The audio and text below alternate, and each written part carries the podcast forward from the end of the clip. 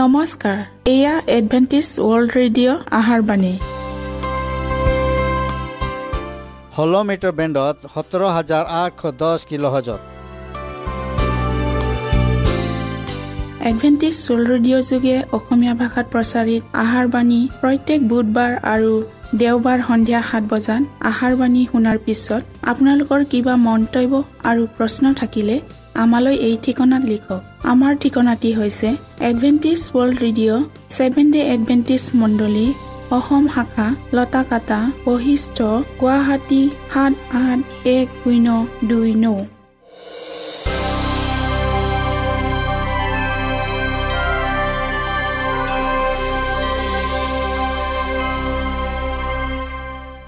প্ৰিয় শ্ৰোতা বন্ধুসকল এতিয়া শুনো আহক এটি খ্ৰীষ্টীয় ধৰ্মীয় গীত।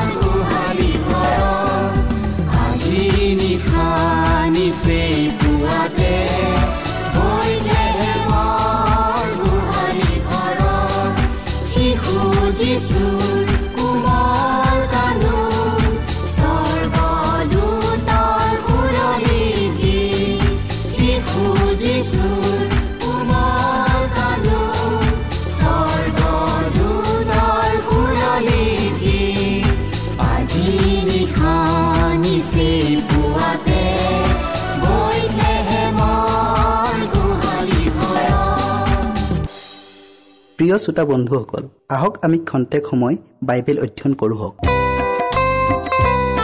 আজিৰ বিষয় হৈছে বিশ্ৰামবাৰৰ পৰা দেওবাৰলৈ সৰহভাগ খ্ৰীষ্টিয়ান মণ্ডলীত সত্যৰ সলনি এটা মিছা শিক্ষাৰ প্ৰচলন কৰা হ'ল। পবিত্ৰ বিশ্ৰামবাৰক অন্যায়কৈ আঁতৰাই তাৰ ঠাইত এটা নকল দিন স্থাপন হ'ল। খ্ৰীষ্টিয়ানসকল এই বিষয়ত ঈশ্বৰৰ শত্ৰুৰ দ্বাৰাই প্ৰতাৰিত হ'ল।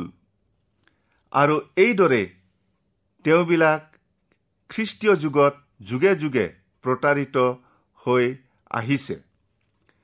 বাইবেলৰ বিশ্ৰামবাৰ সপ্তম দিন। আজিকালি সৰহভাগ খ্ৰীষ্টিয়ানে পালন কৰা বিশ্ৰামবাৰ সপ্তম দিনটো নহয় কিন্তু প্ৰথম দিনটোহে। সপ্তম দিন পালন কৰাটো ঈশ্বৰৰ দহ আজ্ঞাৰ ভিতৰৰ এটি আদেশ। প্ৰথম দিনটো পালন কৰিবলৈ কোনো ঐশ্বৰিক আদেশ বা ব্যৱস্থা নাই। সপ্তম দিনৰ পৰা ক্ৰমান্বয়ে প্ৰথম দিনলৈ কিদৰে সলনি হ'ল সেই বিষয়ে কোনেও নজনাকৈ থকা উচিত নহয়। এই দিন সলনি কৰাৰ দুটা কাৰণ আছিল। প্ৰথমটো কাৰণ যিহুদীবিলাকৰ লগত পাৰ্থক্য ৰাখিবলৈ। দ্বিতীয়টো জগতৰ লোকবিলাকৰে সৈতে মিলিত হৈ সিবিলাকৰো কিছুমান আচাৰ ব্যৱহাৰ প্ৰচলন প্ৰথা আদি অৱলম্বনৰ দ্বাৰাই আপোচ মিটমাত কৰি সিবিলাককো সহজে মণ্ডলীভুক্ত কৰিবৰ উপায়। খ্ৰীষ্টীয় যুগৰ দ্বিতীয় তৃতীয় আৰু চতুৰ্থ শতাব্দীত প্ৰকৃত বিশ্ৰামবাৰক নকল বিশ্ৰামবাৰলৈ সলনি কৰা হৈছিল। পাচনিবিলাকে আৰু আদি খ্ৰীষ্টীয় মণ্ডলীয়ে বিশ্বাসীভাৱে বিশ্ৰামবাৰ পালন কৰিছিল। নতুন নিয়মত দেওবাৰটোকেই বিশ্ৰামবাৰ বুলি মান্য কৰাৰ কোনো লিখিত বিৱৰণ নাই। তথাপি খ্ৰীষ্টীয় মণ্ডলীত যে ভৱিষ্যতলৈ ভুল মতৰ শিক্ষা আৰু ভুল প্ৰথাৰ প্ৰচলন হ'ব। ইয়াৰ ভৱিষ্যতবাণী নতুন নিয়মত প্ৰকাশ কৰা হৈছে। এনেকি পাচনিবিলাকৰ দিনতেই এই ভুল শিক্ষাৰ প্ৰথম অবিৰ্ভাৱ হৈছিল? শাস্ত্ৰত লিখা আছে কিয়নো অধৰ্মৰ সেই নিগুৰ তত্বই এতিয়াও কাৰ্য সাধন কৰি আছে। পুনৰ তেওঁ এইদৰে প্ৰকাশ কৰিছিল মই যোৱাৰ পাছে দুৰ্জন ৰাং কুকুৰবোৰে তোমালোকৰ মাজত সোমাই জাকলৈ নিৰ্দয় আচৰণ কৰিব আৰু তোমালোকৰ মাজৰ পৰাও কোনো কোনো মানুহ ওলাই আপোনাবিলাকৰ পাছে পাছে শিষ্যবিলাকক আকৰ্ষণ কৰি নিবলৈ বিপৰীত কথা ক'ব ইয়াক মই জানো। পৌল পাচনিৰ মতে বিশ্বাসৰ পৰা আঁতৰি যোৱাৰ সংখ্যা বাঢ়ি বৃহৎ আকাৰ ধাৰণ কৰিব। এটা বৃহৎ ধৰ্মত্যাগ বা বিপদগামী দলে অৱশেষত এই কথা প্ৰকাশ কৰিব যে সেই পাপ পুৰুষ বিনাশৰ পুত্ৰ প্ৰকাশিত হ'ব। সি বিৰোধী হৈ সকলো ঈশ্বৰ নামধাৰীতকৈ আৰু পূজ্যপাত্ৰতকৈ নিজকে ওখ কৰে। এনেকি ঈশ্বৰৰ মন্দিৰত বহি নিজকে নিজে ঈশ্বৰ বুলি দেখুৱায়? পাচনি জোহনৰ মতে সেয়েই খ্ৰীষ্টাৰীৰ আত্মা। সেয়ে যে আহিছে তাক তোমালোকে শুনিলা। আৰু বাস্তৱিক সেয়ে এতিয়া জগতত উপস্থিত আছে। এইদৰে ধৰ্মভ্ৰষ্ট হৈ দেওবাৰ পালন কৰা আৰু কিয় দেও পূজকবিলাকৰ এই উৎসৱ দিন পালন কৰা হৈছিল? সেই সম্পৰ্কে বহুতো বুৰঞ্জীমূলক তথ্য দেখুৱাব পাৰি। যিবোৰ ইয়াত দিয়া হৈছে সেইবোৰ কেৱল দেওবাৰ পালন কৰাসকলৰ লিখনিৰ পৰা তুলি দিয়া হৈছে। কাৰণ বিশ্ৰাম দিন মান্য কৰা লোকৰ অভিযোগতকৈ দেওবাৰ পালন কৰা লোকসকলৰ দেওবাৰ পালনৰ দিন আৰম্ভণিৰ বিষয়ে নিজে স্বীকাৰ কৰাৰ যুক্তিৰ গধুৰতা বেছি। খ্ৰীষ্টীয় সৰ্গাৰোহণৰ পিছত ভালেমান দিনলৈকে আদি খ্ৰীষ্টিয়ানবিলাকৰ সপ্তম দিন পালন কৰা নিয়ম চলি আছিল।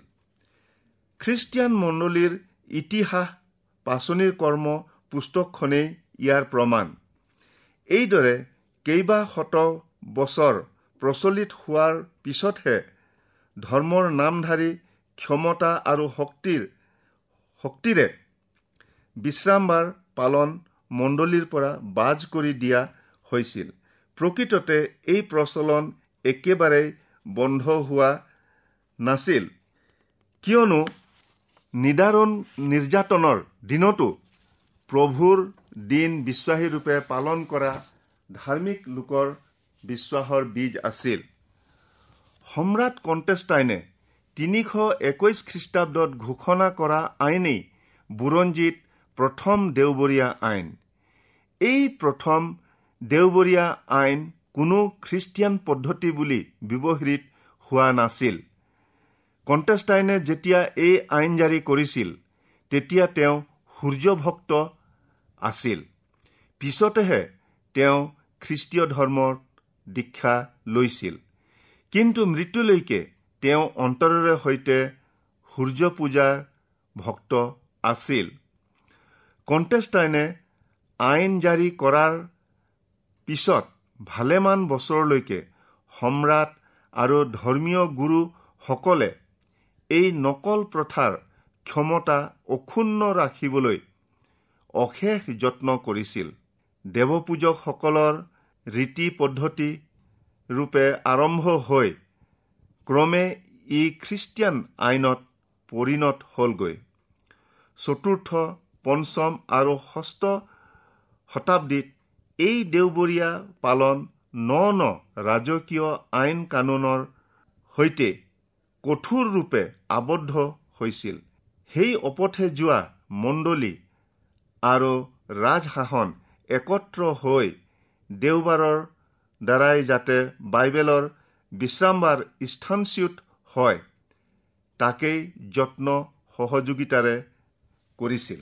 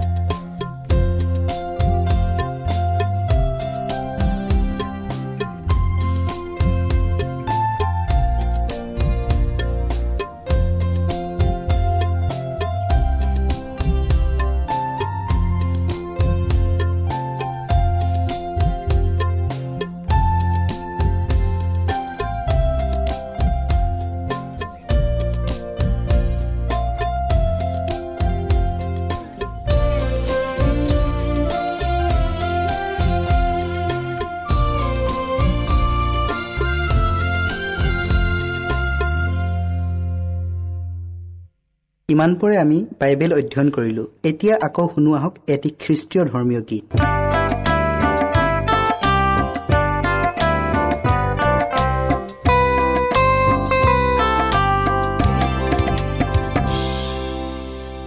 তৎসত্বেও বিশ্ৰামবাৰ পালন লুপ্ত হোৱা নাছিল। এইদৰে সত্য ধৰ্ম আচৰণ এৰি বিপথে যোৱাৰ সময়তো বিশ্ৰাম দিন দৃঢ়ৰূপে পালন কৰা আৰু এই বিষয়ে শিক্ষা দিয়া কিছুমান বিশ্বাসী খ্ৰীষ্টিয়ান আছিল। বাস্তৱিকতে সকলো খ্ৰীষ্টিয়ান যুগত বিশ্বাসী খ্ৰীষ্টিয়ানসকলে যে এই দিন পালন কৰিছিল তাৰ প্ৰমাণ ইতিহাসত পোৱা যায়। এক বিশেষ ধৰ্মীয় সম্প্ৰদায়ে যে বিশ্ৰামবাৰক দেওবাৰলৈ সলনি কৰিছিল এই কথা তেওঁবিলাকেও নিজেও অস্বীকাৰ নকৰে।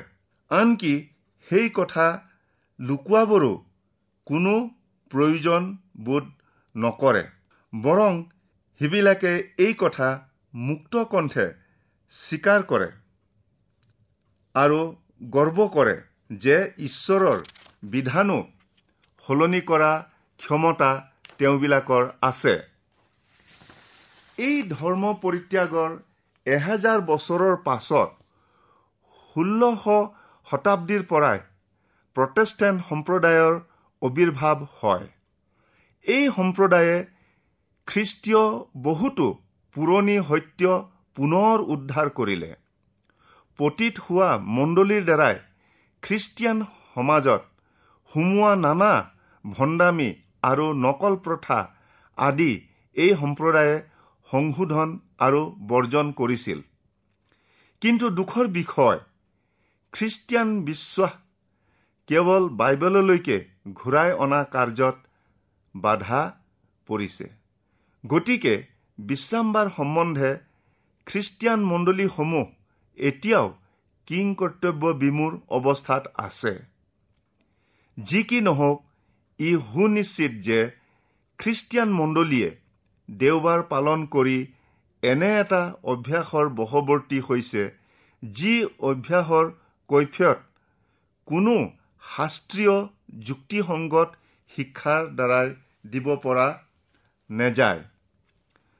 যদি খ্ৰীষ্টিয়ানসকলে বাইবেল আৰু কেৱল বাইবেল এই নীতি অনুসাৰে চলি সেই মতকেই দৃঢ়ৰূপে অৱলম্বন কৰে তেনেহ'লে দেওবাৰ পালন অগ্ৰাহ্য কৰিবই লাগিব।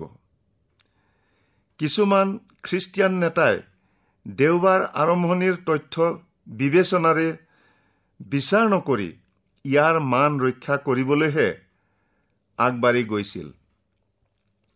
তেওঁবিলাকে ইয়াৰ হকে কেৱল কিছুমান নিচেই অমূলক আৰু দুৰ্বল যুক্তি আৱিষ্কাৰ কৰিছিল।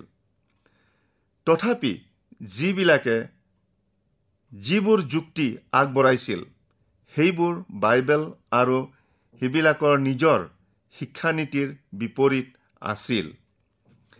বিভিন্ন প্ৰটেষ্টেণ্ট সম্প্ৰদায়সমূহে বিশ্বাসেৰে একমত হৈ সমৰ্থন কৰে যে ঈশ্বৰৰ দহ আজ্ঞা খ্ৰীষ্টিয়ানবিলাকে এতিয়াও মান্য কৰি চলা উচিত আৰু সমৰ্থন কৰে যে ই ধাৰ্মিকতাৰ অনন্তকলীয়া আৰু অপৰিৱৰ্তনীয় নিৰিখ।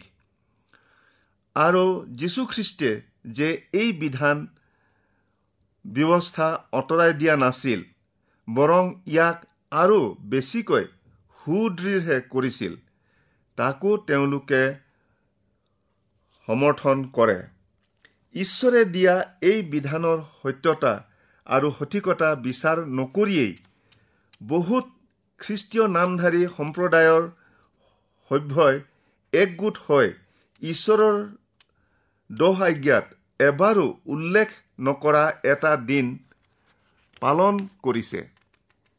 সেই একেৰূপেই দহ আজ্ঞাত দৃঢ়ৰূপে পালন কৰিবলৈ আদেশ কৰা দিনটোক সেৱজ্ঞান আৰু অৱহেলা কৰিছে।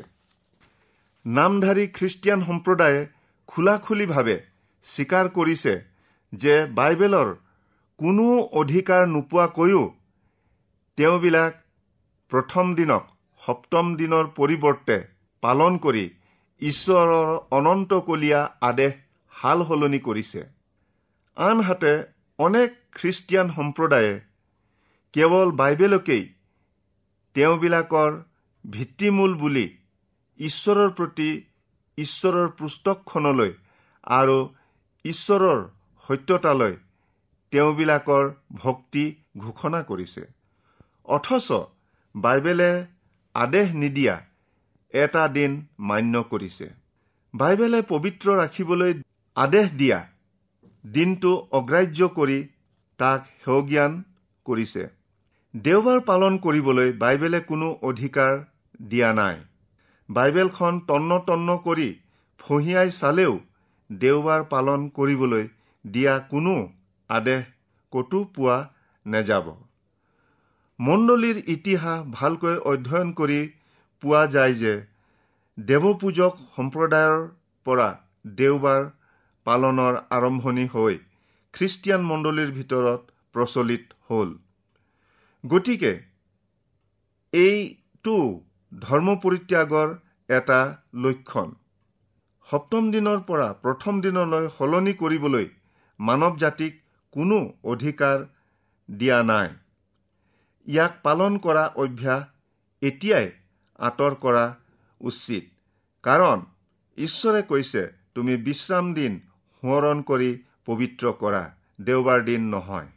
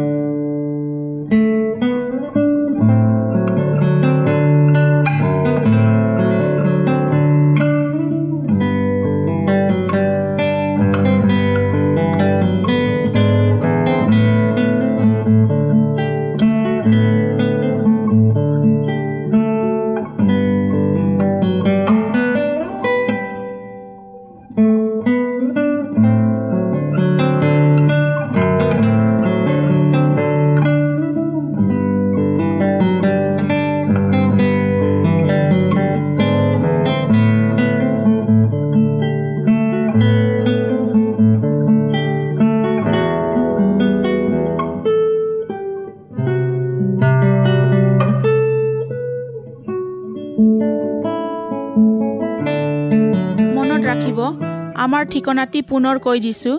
Adventist World Radio' Assam region of seven day Adventist Voice of Hope Latakata Basistha Guwahati seven eight one zero' two nine প্ৰিয় শ্ৰোতা বন্ধুসকল এডভেণ্টিজ ৱৰ্ল্ড ৰেডিঅ' যোগে আহাৰবাণী প্ৰচাৰত আপোনালোকক পুনৰ লগ পোৱাৰ আহাৰে আজিলৈ সামৰিলোঁ। ধন্যবাদ।